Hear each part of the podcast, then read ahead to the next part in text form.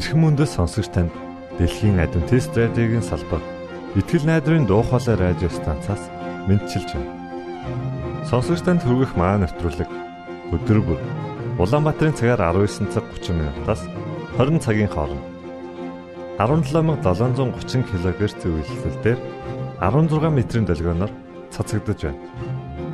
Энэхүү нэвтрүүлгээр танд энэ дэлхий дээр хэрхэн аз жаргалтай амьдрах талаар зарчим болон мэдлэгийг танилцуулахдаа бид таатай байх болноо. Таныг амарч байх үед аль эсвэл ажиллаа хийж байх зур би тантай хамт байх болноо.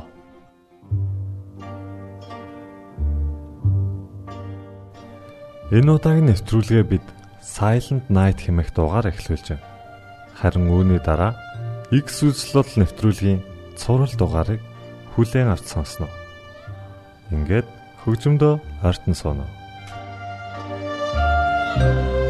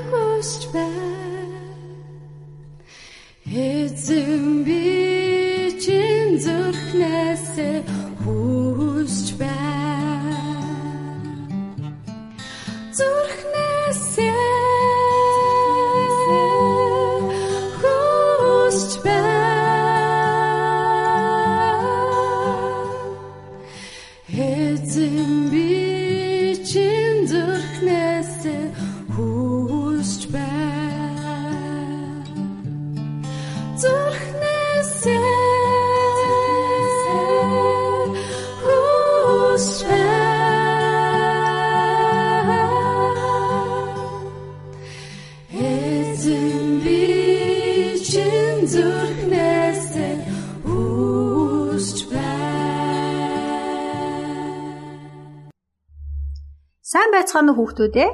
Өнөөдрийн бидний сонсох түүх бол Тусгай оройн зог. Өнөөдрийн бидний цээжлэх ишлэл Иохан номын 13-ийн 1. Тэр тэднийг эцэст нь хүртэл хайрлав. Өнөөдрийн түүхийн гол санаа нь биднийг хайрлахын төлөө бид Есүсийг магтдаг. Хоол идэхээс өмнө гараа угаа гэж хэн та нарт сануулдаг вэ? Олон жилийн өмнө Есүс дагалдагчдаа ийхүү үлджээ. Петр гэж Есүс аяархан дуудав. Чи Йохантай хамт хот руу ороод ир. Домтоо ус барьсан хүнийг олж уулзаад дээгүүр өнгөрөх баярын зоогийг барих өрөө байна уу гэж асуув. Петр Йохан хоёрч тэр хүнийг олсон бөгөөд Есүс зориулсан өрөө байгаа эсхийг нь асуув. Тэр засаж бэлтгэсэн дээд талынхаа том өрөөг үзүүллээ. Хөл угаахад зариулсан төмпөнтэй ус хідэн алчуур өрөөнд харагдаж байлаа. Гэвч нэг юм дутуу байлаа. Бидний хөлийг угаах үйлчлэгч тэнд байсангүй. Хоол идэхээс өмнө үйлчлэгч зочдынхоо хөлийг угааж өгдөг ёс манад байсан юм а. Бид бүгдээрээ углааш өмсдөг. Тэр үеийн зам ердийн шорон зам байсан. Тийм болохоор өдөржингөө алхахад хөл маань маш бохор болдог байлаа. Есүс дагалдагчдынхаа хамт өрөөнд орж ирэв.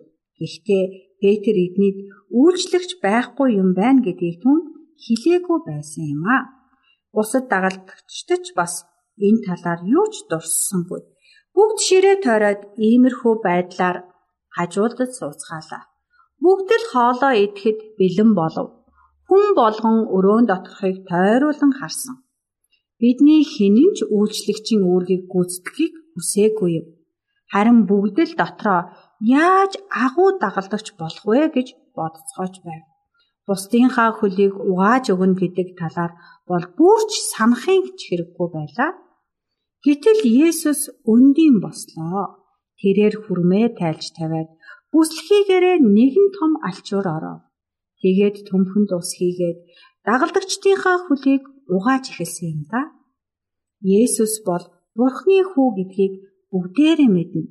Тэр биш харин дагалдагчд нь түүний хөлийг угаах ёстойгоо ч ойлгож байлаа. Тэд чимээгүй суусаар л байв. Хинэн ч туслахаар боссонгүй. Есүс хүн бүрийн хөлийг угааж цэвэрхэн болгож дуусаад хүрмээ эргүүлэн өмсөв. Тэгээд ширээн дээр суусан юм аа. Би яагаад та нарын хөлийг угаасан болохыг та нар ойлгож байна уу гэж тэрээр намуухнаар асуув. Би бол та нарын багш. Би та нарын их эзэн. Харин би та нарыг бусад хүмүүстэй хэрхэн харьцах ёстой вэ гэдэг үлгэр жишээг харуулсан юм. Бусаддаа үйлчилж байхыг би хүсэж байна. Хэрэгтэй байдлаар нь хүмүүс тусалж энэ байдлаараа тэдэнд үйлчилж байгаарай. Миний адил үйлчлэхийг би танараас хүсэж байна. Энэ бол заавал санаж байх ёстой сургамж гэдгийг дагалдагчид сайтар ойлгож авлаа. Дараа нь Есүс талхнаас хугалж аван мөн шүүснээс авч уугаад дагалдагчдаа дамжуулан өгөв. Энэ талах Есүсийн биеийг төлөөлнө. Харин усан үзмийн шүүс түүний цусыг төлөөлж байсан юм а. Есүс талах шүүснээс амс гэж хэллээ. Мөн хожим түүнийг дурсаж байхын тулд үүнийг үйлдэж бай гэж хэлсэн юм. Есүс бидэнд маш их хайртай байсан учраас нас барахынхаа өмнөх хамгийн сүүлчийн мөчтөж гисэн хайраа харуулахыг хүсэж байлаа. Одоо цагт та нар Хүмүүс бие биенийхээ хөлийг угаан өгч эзний зов барин талахт шүүс амсаж байгааг харах юм бол Есүсийн хувиа бодоогүй амьдрал үхлийн талаар үргэлж санаж байгаарай. Хүн бүхэнтэй яг түүний хайраар хандаж байгаасаа гэж тэр биднээс хүсдэг юм аа.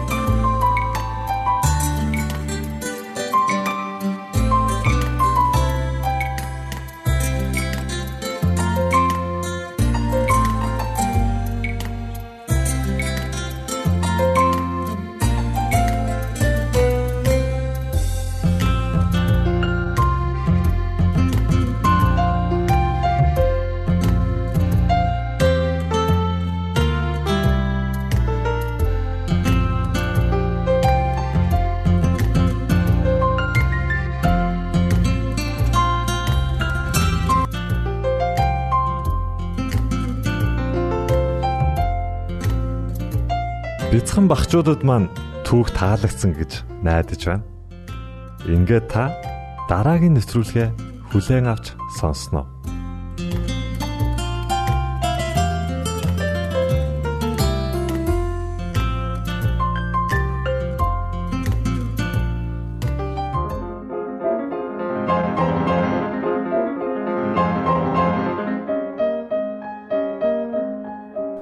Уран зохиолын цаг.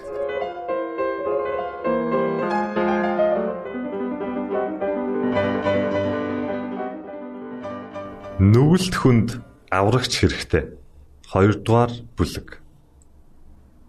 Хүнийг анх бүтээхэд тэрээр ариун сайхан чанартай, төв төлөв оюун ухаантай байв. Хүн төгс төгөлдөр бүтээл байсан бөгөөд бурхантай өв зүйтэй амьдарч байлаа. Түүний бодол санаа нь цэвэр ариун. Хүсэл эрмэлзэл нь гэгэн сарвал авэ. Гэвч дуулуургүйгээсээ болж сэтгэл нь буруудаж, хуваа хичээх үзэл зүрхнээс нь хайрыг шахан гаргажээ. Гим нүгэл хүнийг маш сулруулж, муу мухай амийг биедан эсэргүүцэх тэнхэлгүй болгов. Хүн сатаанд ослогдож хэрв бурхан онцгой аргаар оролцоогүйсэн бол үрд нүгэлтэн хэвээр үлдэх байсан юм. Урууддагч итгээд Бурхан хүнийг анх бүтээхдээ зохиосон төлөвлөгөөг нь нурааж хорвоо дэлхийг гаслан зовлонгоор дүрх тооцоотой байжээ. Ингэснээрээ сатан нүглийн бүхий л үүр уурхайг хүнийг бүтээгч бурхан буй болгосон гэж зэмлэн буруу шах санаатай байсан юм. Хүн гим нэглгүй байх үедээ мэрэгэн ухаан болоод мэдлэгийн бүх эрдэнэс нуугдсан бүтээгч лүгэ баяр баясгалантай харцаж байсан юм. Гэвч хүн нүгэлд онсныхаа дараа гэгэн амьдрал баярлаж хөөрхөөж бүр болж бурхнаас нүүр буруулж даалд орохыг ирмэлцэх болсон билээ. Шинтгэгдээгүй хүмүүс одоо хүртэл иймэрхүү л байдалтай байна. Тэд бурхантай нийцдэггүй. Түүнтэй харцахтаа баяр жаргалыг эдэлж чаддгүй байна. Нүгэлт хүн бурхны дэргэд аз жаргалтай байж үл чадах ба ариун эмстэй харилцахаас зайлсхийх билээ. Тим хүн тэнгэрт дэлгээгдлээч баярлаж хөөрөхгүй байхсан билээ. Зүрх сэтгэл бүхэн бүтээгчийн хязгааргүй хайр нэрлийг урайлахын хүлээж авдаг. Тэр газар ч гэсэн нүгэлт хүний сэтгэл үл сэргэгсэн билээ. Тэнгэрт амьдрахстын ариун дагшин хүсэл сонирхол бодол сэхэрэл түнд маш хол хөндөй байхсан. Нүгэл хүн Тэнгэрийн аяг гисхийг эвдэн утах үзээ. Тэнгэр дэх амьдрал түнд шаналгаатай бөгөөд Тэнгэрт оршин суугчдын гэрэл гэгээ баяр баясгалын цогцлол болсон бурхнаас Нүүр буруулан далд орохыг л тэр хүсэх буйзаа. Бурхан дур зоргоороо шийдэж нүгэлтэн олныг тэнгэрт гаргахгүй байгаа хэрэг огт биш. Тэр гэм нүглийнхээ улмаас тэнд амьдарч чадахгүй болохоор л аваачихгүй байгаа юм. Бурхны гэгэн алдар тэдний хувьд нүглийг хуйхлах гал дүл байхсан билээ. Өөрсдийг нь аврахын төлөө амиа өгсөн түүнээс нүур буруулахын тулд тэд үгсэн дээр гэж бодох үзээ. Бид өөрсдийнхөө буруугаас болж унсан нүглийн харанхуй ангалаас биедан гарч чадахгүй. Бидний дотор муу юм ашиж бид өөрсдийгөө өөрчилж чадахгүй байна. Хэн бузраас цэврийг бий болгож чадах вэ? Хэн ч үгүй. Махан биеийн бодол санаа бол Бурхны эсрэг дайсагнал юм.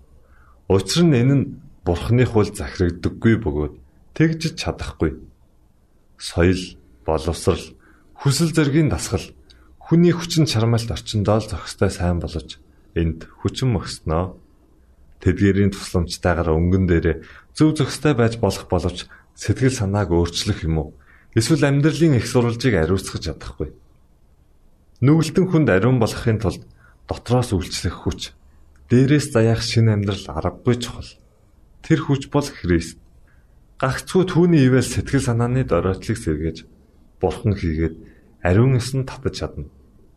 Аврагч айлтсан нь хэн дээрээс эс төрн өөрөөр хэлбэл хэрв хүн шинэ амьдрал өөд хөдлөх шин сэтгэл, шин хүсэл, шин зориг олж авахгүй юм бол бурхны хандлыг олж харахгүй. Хүнд байглаас даяасан сайн сайхан зүйлийг л хөгжүүлэх хэрэгтэй мэтэр боддог хүмүүс гүнзгий төрөлдөж байна. Төрлөх хүн бурхны сүнсний зүйлсийг хүлээн авдаггүй. Учир нь тийм хүнд эдгээр нь монхог явдал бөгөөд эдгээрийг ойлгож чадахгүй. Яагад гэвэл эдгээр нь сүнслэгээр үзэгддэг учраас чи дээрээс төрөх ёстой гэж хэлсэнд бүү гайх. Христийн тухай түүнд ам байсан тэр амны хүмүүсийн гэрэл гэгээ бөгөөд бид аврагдаж болох өөр нэр Тэнгэрийн дор хүмүүст өгөгдсөнгүй хэмээн өгүүлсэн байдаг. Хүн бурхны нэгүүлсэнгүй сэтгэл түүний сайхан чанар эцэг ёсны инэрл халамжийг ухамсарлаж түүний хуулийн цэцэн мэрэгэн чиг чударгыг олж харж тэрхүү хууль нь хайр инэрлийн мөнхийн зарчимд үндэслэн гэдгийг ойлгож байгаа нь сайн хэрэг. Гэвч зөвхөн энэ хангалттай бос. Номлогч Паул хуулийг сайн гэдгийг зөвшөөрч буй. Хууль бол ариун бөгөөд тушаалч ариун, зөвхт бөгөөд сайн юм хэмээн дуу алдахдаа тэр бүхнийг мэдэж байсан юм. Чингэхдээ тэр сэтгэл өвтгөн гасалж цөхрөн байж харин би махан биетэй бөгөөд нүглийн болцлолд худалдагдсан гэж нэмж хэлжээ. Тэр өөрийн хүчээр хүртэж чадахгүй ариун явдал. Зөвхт ёсыг туйлаас ирмэлзэн би юутай хөрхилтэй хүн бэ? Хэн намайг үхлийн энэ биеэс ангижруулах вэ гэж халаглан асуусан юм. Ийм харуулсал цөхрөл нүгэл хилэнцэд аргасан сэтгэл зүрхний угаас гардаг бөгөөд газар сайгүй цаг үргэлж сонсогдсоор иржээ. Тэр бүхэнд ертөнцийн нүглийг үүрэгч бурхны хургийг харах тун гэсэн ганц л хариулт буй. Бурхны сүнс гимбурынхаа дарамтаас чөлөөлөгдөхийг ирмэлзэгч хүмүүс энэ үннийг таниулахын тулд олон тооны дүр зургийг ашигладаг. Исавыг хуураад нүгэл үлдэж эцгийнхээ гэрээс зүхтахдаа Яаков гин бурууга ухамсарлаад урууцралчихсан байсан мөлий ганцаардмал гэр оронгүй. Үн цэнтэй бүхнээсээ тусгаарлагдсан түүнийг үйлцэн нүгэл нь бурхнаас салгаж тэнгэрт хаягдсан гэдэг бодол юу юунаас илүү шаналгаж байсан юм. Тэр уруу царайлан гуниглан готарч цулгүй газар дээр альчаалаа талхаар хөвтжээ. Түүний эргэн тойронд эзэнгүй зэлүүд дов толгод дээр нод мчид гэлэлцэн тэнгэр харагдаж байлаа. Тэгээ зүргэмэлтэл хачин сонин гэрэл гэгээ цацарч хэвтэж байсан газраас нь дээшлэн дээшлсээр бүр тэнгэрийн хаалх хөрсөн өргөн шатны бүдгхэн дүр зураг зүүдэнд нь харагджээ. Энэ шатаар бурхны тэнгэр элчнэр өгсөж уруудахын сацуу бүхний дээрээс бурхан түүнийг тайтгаруулж итгэл найдварын үгс айлтах нь сонсдох аваа. Ийхүү Яаков түүний хүслийг гүйцэж харангалсан сэтгэлийн дэвтэх нэгэн болох аврагчаа таньж мэдэх тавилантай байжээ. Нүгэлтэн Яаков бурхантай холбоо тогтоох замаа тийм баяр талархалтайгаар олж харсан юм. Түүний зүудэндээ утсан учир битүүлэг шатна. Бурхан хүн хоёрын хоорондох цорын ганц дуушлагч Есүс Христийг бэлэгдэж байв.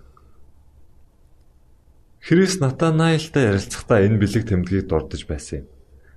Тэнгэр нээгдэн Бурхны тэнгэрлэгч нар хүний хүүгийн дээр өгсөх ба руудахыг үзэх болно гэж тэрбээр айлцсан билээ. Хүн нүгэл үлдээд бурхнаас тэрвдэг болж газар тэнгэрийн хоорондох холбоо тасарч ангал өсч түүнтэй харилцаа тогтоох боломжгүй болжээ. Гэвч Христийн ачаар газар дэлхий тэнгэртэй дахин холбоо тогтоосон юм. Христ өөрийн гавьяа зүтгэлээр нүгэл хилэнцийн ангал дээгүүр гүүр тавьж тэнгэр элч нар хүн зонтой харилцаж тэдэнд хүчин зүтгэх боломжтой болжээ. Христ цөвтөж доройтсон хүнийг хүчин мөхс арчаагүй янзаар нь хязгааргүй хүчин чадлын их сурвалжтай холбож өгсөн байна. Цөвтөж доройтсон хүн төрлөختөнд найдвар төрүүлж тусламж үзүүлэх цорын ганц их сурвалжийг хүн зан үйл ашаах юм бол хөгжил дэвшлиг мөрөөдсөн бүхий л мөрөөдөл хүн төрлөختнийг оюун санааны хувьд өөддөх гэсэн альва оролдлого талаар өнгөрнө. Альва сайн сойрхол ба альва төгс бэлгэн дээрээс гэрлүүдийн эцгээс бууж ирдэг. Түүнгүйгээр зам байдлын жинхэнэ төгс төгөлдөр чанарыг сэтгэхийн арга байхгүй. Бурхан зөвхөн Христээр дамжиж хүрч чадна. Тэрээр би бол зам, үнэн амь мөн. Хинч надаар дамжилгүйгээр эцэгт хүрэхгүй гэжээ. Бурхан өөрийнхөө газар дээрх хүүхдүүдтэй өглөөс хавьгүй хүчтэй хараар холбогдсон байдаг юм. Өөрийнхөө хүүг өгөхдөө тэр бидэнд Тэнгэрийн бүх эрдэнсийг нэгэн бэлэг болгон барьсан билээ аврагчийн амьдрал үхэл болоод зуучлал Тэнгэрлэгч нарын хүчин зүтгэл ариун сүнсний ураа дуудлага бүхнээр дамжуулан бүхний дээр үлдэгч эцгийн халамж Тэнгэрт амьдрахстын гандан боошгүй хүсэл сонирхол энэ бүхэн хүн төрлөختнийг аврахын тулд билээ. Бидний төлөө өргөсөн гайхамшигт үргэлжлийн тухай байнга бодцоож төөрөгчдийг аварч тэднийг эцгийн гэрт эргүүлэн аваачих гэсэн Тэнгэрийн цуцалтгүй хүчин чармаалтыг үнэл цэгнэх гээд оролдоод үзье. Үйл явдал хамгийн хүчтэй сэхэрл хийгээд юмс оролцжээ. Зөвхт хэргийн төлөх агуу шагнал Тэнгэрийн баяр баясгалан Тэнгэрлэгчнэр хийгээд эцэг болон түүний хүүтэд тогтоосон харилцаа. Эцэс төгсгөлгүй үеүүдийн туршид бидний чадварыг өө татан хөгжүүлсэн явдал. Энэ бүхэн бидний бүтээгч хийгээд аврагчийн төлөө хамаг зүр сэтгэлээсээ хүчин зүтгэхэд урайлан дуудахгүй байна гэж юу? Нөгөөтэйгүр нүглийг шүүх бурхны шүлт, тайлбаргүй шийтгэл, ёс суртахууны дороотл, эцсийн мөхөл сүрэл энэ бүхэн сатаанд хүчин зүтгэхээс биднийг сэрэмжлүүлэхийн тулд бурхны айлдварт бичигдсэн байдаг юм. Бид Бурхны энэрэнгүй урай дуудлагыг сонсохгүй чихэн дүлий хэвээр үлдэх үү? Тэр бидний төлөө өөр юу хийж болох байсан бэ? Биднийг ийм гайхамшигтай хайраар энэрэн хайрлсан түүнлүгэ зөв зөвхөстэй харилцаа тогтооё л доо. Түүнтэй төстэй байдлыг олж эцэг хүү хийгээд хүн зонд хүчин зүтгэхээр илгээгдсэн Тэнгэр элч нартай эв зүй харьцаанд эргэн орохын тулд бидэнд өгсөн юмсыг ашиглацгаая та уран зохиолын цаг навтруулыг бүлээн авч сонслоо. Дараагийн дугаараар уулзтлаа. Түр баярлалаа.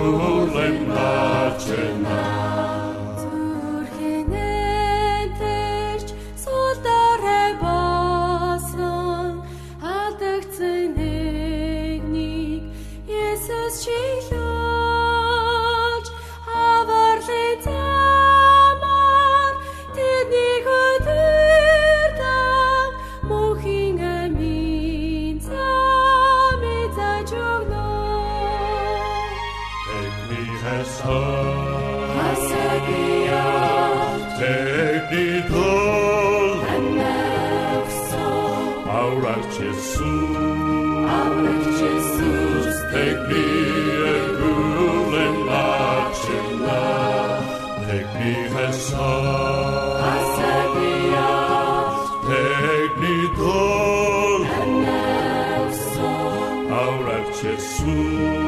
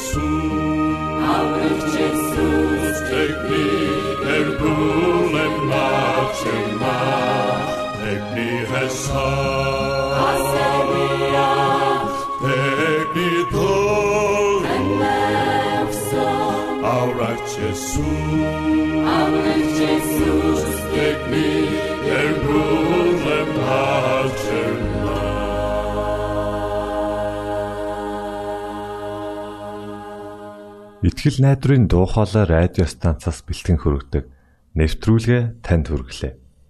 Хэрв та энэ өдрийн нэвтрүүлгийг сонсож амжаагүй аль эсвэл дахин сонсохыг хүсвэл бидэнтэй дараах хаягаар холбогдорой. Facebook хаяг: Satiin үсгээр Монгол заавад AWR Имэйл хаяг: mongol.awr @gmail.com Манай утасны дугаар 976 7018 24 9 Шуудангийн хаяг 16 Улаанбаатар 13 Монгол улс. Биднийг сонгонд цаг зав аваад зориулсан танд баярлалаа. Бурхан таныг ивээх болтугай